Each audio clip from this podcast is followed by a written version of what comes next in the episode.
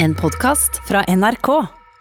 Da pandemien rammet Norge, fikk eh, lokale medier enda større utfordringer, eh, og det kom på toppen av allerede mm, en vanskelig situasjon.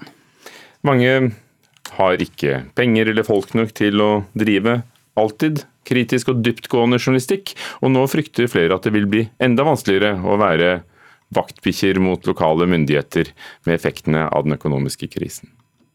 Klart her eh, Med de kontorene her så var det jo helt eh, tomt eh, under koronaen, så her satt jo egentlig ingen. I redaksjonslokalene til lokalavisen Hallingdølen har det vært uvanlig tomt denne våren og redaktør Lillian Holden måtte som mange andre ta drastiske grep da Norge stengte ned i midten av mars. Nei, Det kom jo sjølsagt eh, på oss eh, som for alle andre, så kom jo det som lyn fra klar himmel. Alt av annonsebestillinga stoppa jo opp over natta. Det var veldig krevende. og det er klart Når du har et eh, annonsebudsjett på 20 millioner, og du taper 7-8 plutselig, så da må, du, da må du hive deg rundt og iverksette en del tøffe tiltak. Vi har redusert noe på vikarer gjennom ferien. Så vi har eh, gått fra fire sommervikarer til én. Så vi har en del tiltak eh, som fortsatt gjelder, som, eh, som er ganske inngripende. Ifølge journalistikkprofessor ved Nord universitet, Birgit Røe Mathisen, har norske medier tapt mye pga. koronakrisen. For lokalpressa som andre deler av Medie-Norge, så har jo koronakrisen ført til en stor nedgang i annonseinntekter. Det er jo ganske formidable tap og de tøffe tiltakene lokalmediene har måttet tatt, bekymrer journalistikkprofessoren. Jeg bruker å si at lokaljournalistikken er en del av demokratiet sin infrastruktur, og det har vi jo virkelig sett i denne tida at at det er behov for. Når eh, økonomien blir vanskelig, så er det jo grunn til å, å være bekymra for hva det gjør med vilkårene for, for, kritisk journalistikk. Sammen med fem andre kolleger kom Mathisen i fjor med en undersøkelse som så på innholdet i 24 forskjellige lokale og regionale medier. Der fant de at kun 5% av nyhetsstoffet var kritisk. Det er klart at når vi i utgangspunktet har sett at det ikke er så veldig mye kritisk journalistikk, og når man får en ny runde med økonomisk eh, svikt og, og kanskje òg permitteringer, så er det jo grunn til å være bekymra for om det gir enda dårligere vilkår for å drive kritisk eh, journalistikk. Også generalsekretæren i Landslaget for lokalaviser, Thomas Bruvik, frykter mindre kritisk lokaljournalistikk i fremtiden. Du har ingen til å ettergå makt, eh, eller til å drive undersøkende journalistikk, som f.eks. har vært utrolig viktig i koronatidene. Og Det tror jeg faktisk kommunene òg setter pris på. Ingen kunne gjort det hvis ikke det var ei lokalavis der. Første dagene vet du, så, så, så skvatt det jo når det gikk i døra her. For da hadde vi ikke hatt, vi hadde jo stengt for folk, og vi hadde jo, det var bare vi som hadde vært der. Tilbake i redaksjons redaktionslokalet til Hallingdølen er situasjonen smått startet å normalisere seg, men redaktør Holden deler frykten for lokalavisenes fremtid. Vi har klart oss greit gjennom det her, vi skal klare det her en god stund til. Men eh, det er jo ikke alle som er i vår situasjon. Så jeg frykter jo at det er mange lokalaviser som blir liggende igjen med knekt rygg, og som kanskje blir nødt til å redusere spesielt på i redaksjon da, og få færre journalister, færre til å utføre det journalistiske oppdraget. Som igjen da vil gå utover eh, lokaldemokratiet. Det var redaktør Lillian Holden i Hallingdølen, reporter Petter Pettersen. Denne, Denne uken, ja. Startet Oslo Pride. Det vi i gamle dager kalte for eh, skeive dager. og Vanligvis er det da tusenvis av folk som deltar på konserter, debatter, utstillinger, eh, fester, hva det skulle være, eh, og ikke minst toget. Men hvordan kan man flytte noe sånt over på internett? Det kan du svare på, håper vi, Adam Skjølberg. Du er nemlig programleder for årets paradeshow på nett. Ja. Kan du fortelle hvordan, hvordan blir dette? Åh, det er jo vanskelig, fordi det er klart vi får jo ikke være, være sammen sånn som vi skal og, og, vil. fordi det er jo det samholdet og det fellesskapet som er det aller viktigste. Å kjenne på at jeg er ikke aleine, og, og, det forumet jeg kan gå inn i, som er pride, eh, der jeg kan være meg selv først og fremst før legningen min i et forum.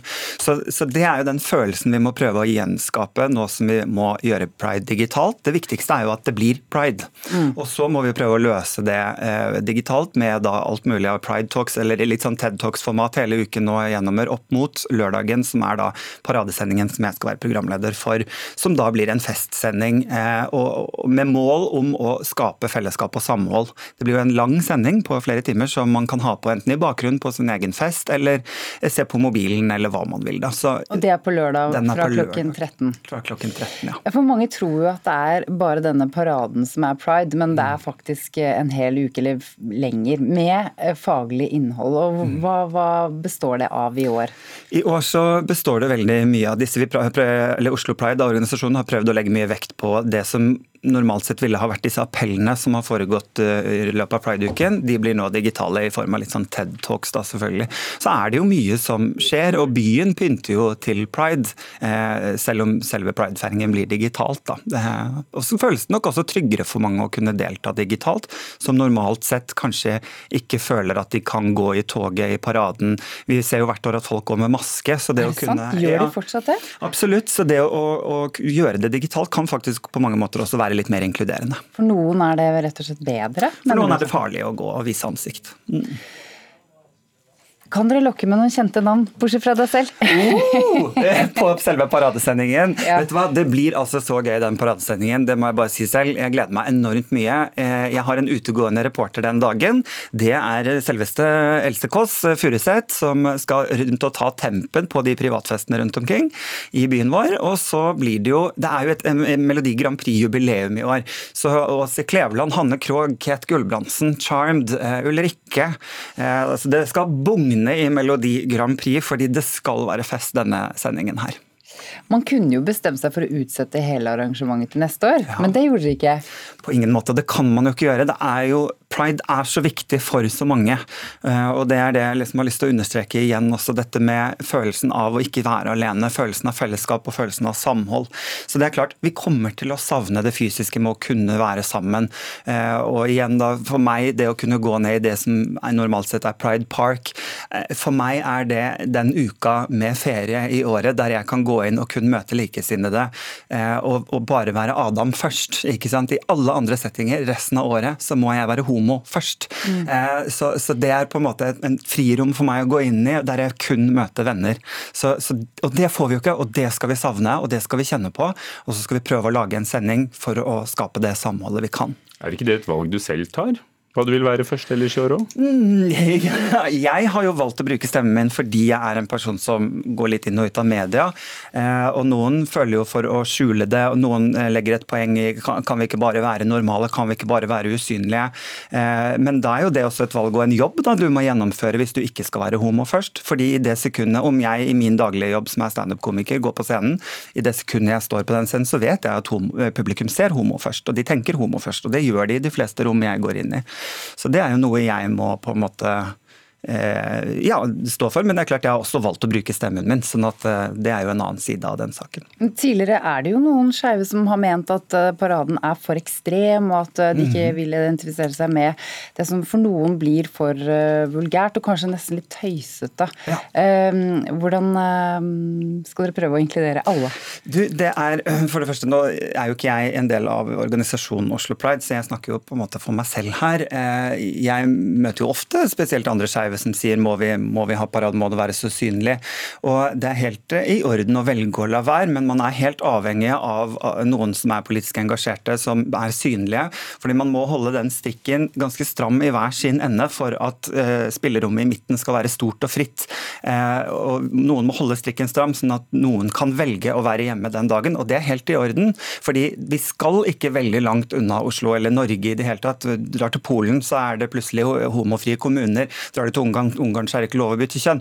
Så vi skal ikke langt unna Norge før de rettighetene kan tas ifra. For mine rettigheter er ikke medfødt. De er gitt meg av heterofile, og de kan også tas ifra meg. Sånn at vi kan ikke bare sette oss ned og si nå har vi det fint. Det går ikke. Noen må være synlige. Og når det kommer til det som sier at noen er vulgære eller nakne i paraden, så er det kanskje totalt av paraden kanskje 6-7 av totalen i paraden som er lettere kledd. Så hvis hodet ditt kun ser det og merker det som paraden, så ligger jo det problemet hos deg. Og hvis du blir sint over nakenhet i paraden, så håper jeg du blir like sint når du ser nakne folk på stranda.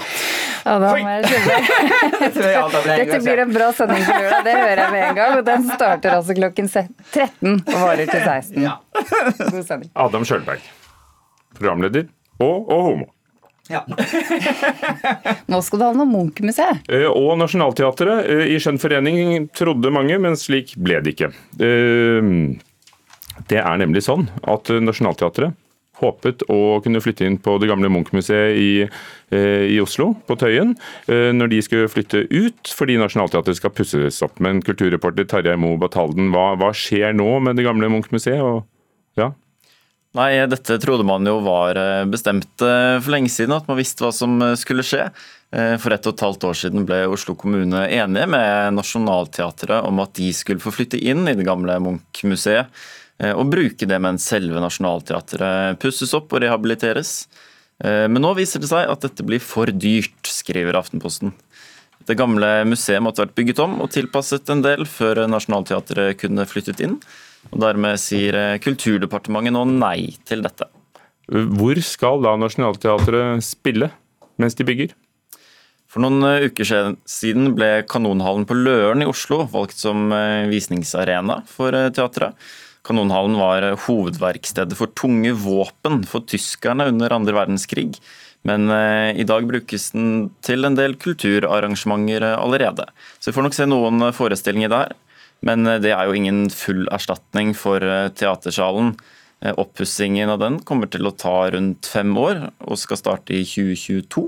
Departementet har foreslått et par andre steder som teateret kan flytte til i mellomtiden og Nationaltheatret skal nå vurdere disse stedene. Men de vil ikke si hvilke steder det kan være snakk om ennå.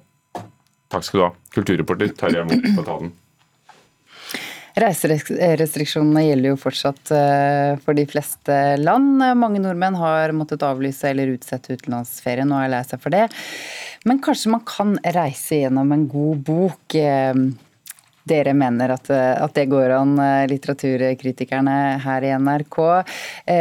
og du er en av dem, eh, Sisvik, kulturjournalist her i NRK. Du har bidratt til en liste Um, god morgen, forresten. God morgen. det er vel ikke helt det samme å reise gjennom en bok som i virkeligheten? Det er ikke 100% likt, selvfølgelig. Men når man reiser ut, så ønsker man jo å kjenne lukter og smaker og oppleve andre mennesker, andre kulturer. Og hjernen vår funker jo ganske bra sånn eh, forestillingsmessig, at hvis du kan lese om det, så kan du kalle fram noen av disse opplevelsene. Fordelen med å lese bok, reise gjennom bok, er jo at det er billig, og det er miljøvennlig. Du kan dra absolutt hvor du vil, og du kan, dra, altså, du kan rekke både India, Kina øh, og Frankrike i løpet av én sommer, f.eks. Det er ikke så slitsomt heller. Nei, og får ikke magesjau. Nei. Nei, så mange fordeler. Og ikke korona. Men du, er det, er det lett å finne en god reisebok?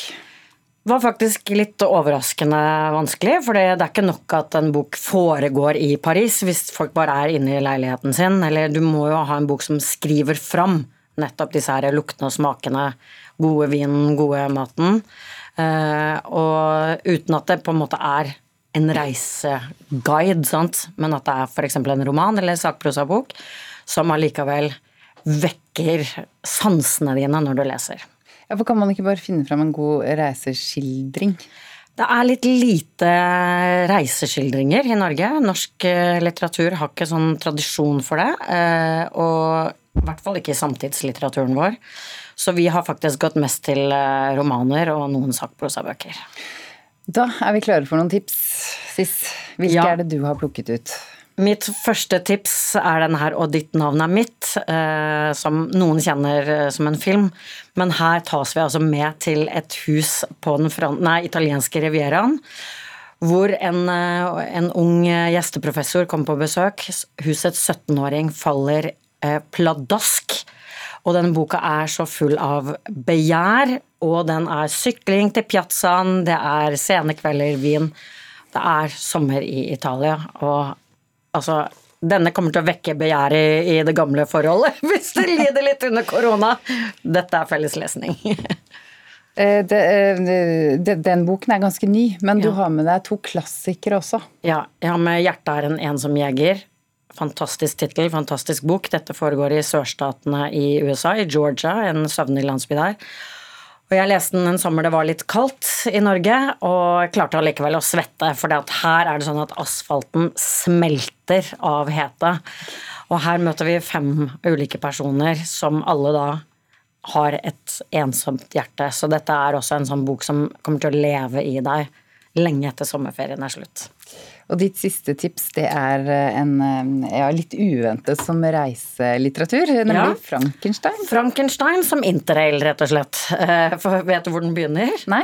Nei, Begynner i Arktis. Oi. Hvor vitenskapsmannen Victor Frankenstein kommer om bord i et skip og forteller da historien sin om hvordan han laget dette monsteret.